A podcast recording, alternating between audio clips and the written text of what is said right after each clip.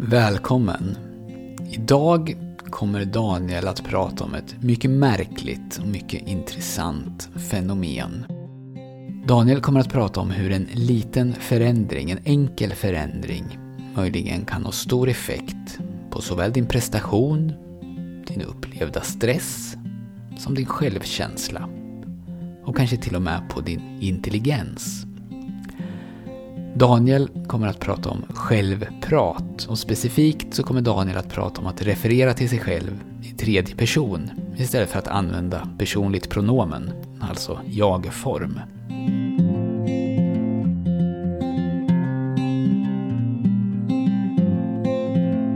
Du lyssnar på Monkey Mindset, en podcast av mig, Daniel Sjöstedt och jag är mental tränare. Och från och med nu så kommer jag att sluta att referera till mig själv i tredje person åtminstone i den här podden. Och varje vecka så försöker jag att presentera någonting som kan hjälpa dig att göra ditt liv lite bättre eller lite enklare.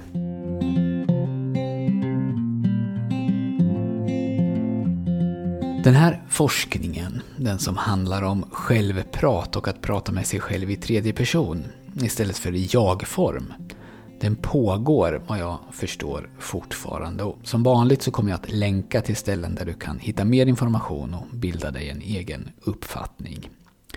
Men enligt vad som har berättats så började allt när en professor i psykologi som hette Ethan Cross var ute och körde bil och råkade köra mot rött.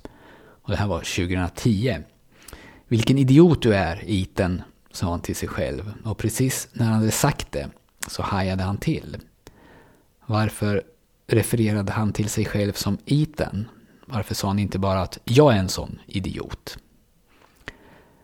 Några månader senare så såg han LeBron James på TV. LeBron James, han är en amerikansk basketspelare och han är en av de allra största idrottsmännen i USA. Och han var på väg att lämna sin dåvarande klubb Cleveland Cavaliers för ett annat lag som hette Miami Heat. Och det här var en väldigt kontroversiell övergång som fick mycket uppmärksamhet.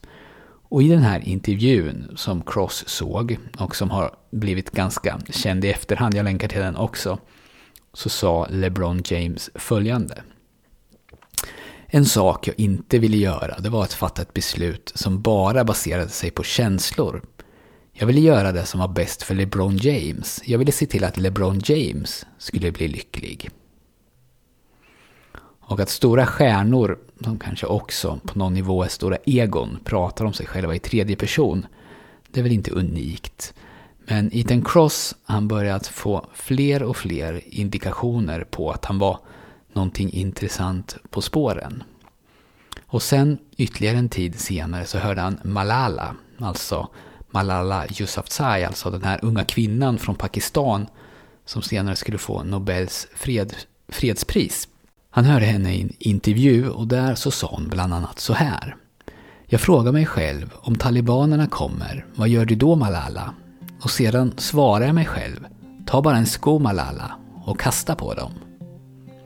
Och nu tyckte Ethan Cross att det åtminstone fanns tillräckligt med indicier för att börja titta på saken hur pratar folk med sig själva egentligen? Och varför pratar vissa, eller tänker vissa, och de allra flesta troligen då, i jag-form, medan andra refererar till sig själva med förnamn, alltså i tredje person? Och har det någon betydelse? Som började göra experiment, och vad han kom fram till, det var att hur du pratar med dig själv, det har stor betydelse, inte bara för hur du mår, utan också för hur du presterar. För den som pratar med sig själv i jag-form, enligt Cross forskning nu då, han eller hon tenderar att bli mer nervös i pressade situationer till exempel och inte alls prestera lika bra när det gäller. Cross han gjorde ett experiment där han gav närmare 90 försökspersoner ett uppdrag. De skulle få hålla en presentation om sig själva och berätta varför just de var kvalificerade för sitt drömjobb. De skulle alltså sälja in sig själva för att få ett jobb som de verkligen ville ha. De fick bara fem minuter på sig att förbereda den här presentationen och Cross, han bad hälften av deltagarna att tänka i jag-form och den andra hälften att tänka genom att använda sitt förnamn. Prata med sig själv i tredje person. Och redan i förberedelserna så märktes skillnad mellan de här två grupperna. Jag-formgruppen den tenderade att se hindren och svårigheterna i att bara få fem minuters förberedelsetid för att hålla en viktig presentation. Medan tredjepersongruppen, alltså förnamnsgruppen, i regel tog en mer peppande attityd till sig själva. Kom igen nu Daniel, klart du kan klara det här. Det är ett exempel på hur inställningen såg ut i den gruppen. Och sen så hölls de här presentationerna och en oberoende grupp lyssnade på dem och graderade dem. Och det visade sig då att de som hade använt förnamn istället för jag-form hade presterat bättre. Men det var inte riktigt slut där, utan även i efterhand märktes skillnader. Förnamngruppen mådde mycket bättre efteråt. De ältade inte lika mycket sina misstag, till exempel. Och andra försök har visat att de som tänker så här, alltså i tredje person, fattar bättre beslut än de som tänker i jag-form. Och att de kan se ett skeende eller en situation med mer perspektiv. Och det finns faktiskt många väldigt intressanta studier och jag länkar ju till artiklar i anteckningarna till det här programmet.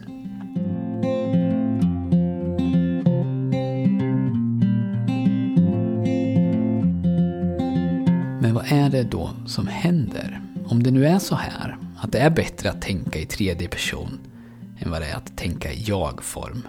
Varför? Och man skulle kunna förstå det så här, och nu förenklar jag ju självklart en hel del, men när du pratar med dig själv i tredje person så blir du som din kompis. Du blir någon utomstående som dels stöttar och peppar, men som också kan se på en situation utan alla känslor som du har om just den situationen. Om du ska hålla en sån här presentation för att få ditt drömjobb till exempel så skulle en kompis aldrig säga till dig att fem minuter, det är alldeles för lite tid till förberedelser. Du kommer aldrig att hinna, det är kört. En kompis skulle ju tvärtom säga att det är klart du hinner, ta det lugnt, andas, det kommer gå jättebra. Och om det ändå gick fel så skulle inte kompisen säga att nu har du förstört allt, du kommer aldrig mer få den här chansen. De som lyssnar här, de tycker säkert du är en riktig loser. Utan kompisen skulle ju fortsatt stötta. Kom igen, det är inte hela världen. Ingen annan bryr sig och nästa gång kommer det gå mycket bättre. Och man skulle ju kunna fundera på vilken av de här två rösterna som är mest konstruktiv. Och vilken av de här två rösterna som är mest sann. Och I bägge fallen så är det nog kompisens. Och det verkar som att det jag sa nu inte bara är bildligt talat. Utan när vi pratar med oss själva i tredje person så används hjärnan lite annorlunda än vad den gör när vi tänker i jag-form. Vi blir, så att säga, den här kompisen. Vi kommer lite längre från jaget, lite längre från de omedelbara känslorna. Och vi får lite distans till oss själva och det som händer och allt det här är ju bra, allt det här hjälper oss. När vi får distans och perspektiv på saker och ting så är de mycket lättare att hantera. Om vi är mitt uppe i våra känslor, om vi inte har någon som helst distans eller perspektiv, då kan ju en odiskad mugg skapa ett raseriutbrott eller ett slarvfel på en tenta kan leda till en sömnlös natt.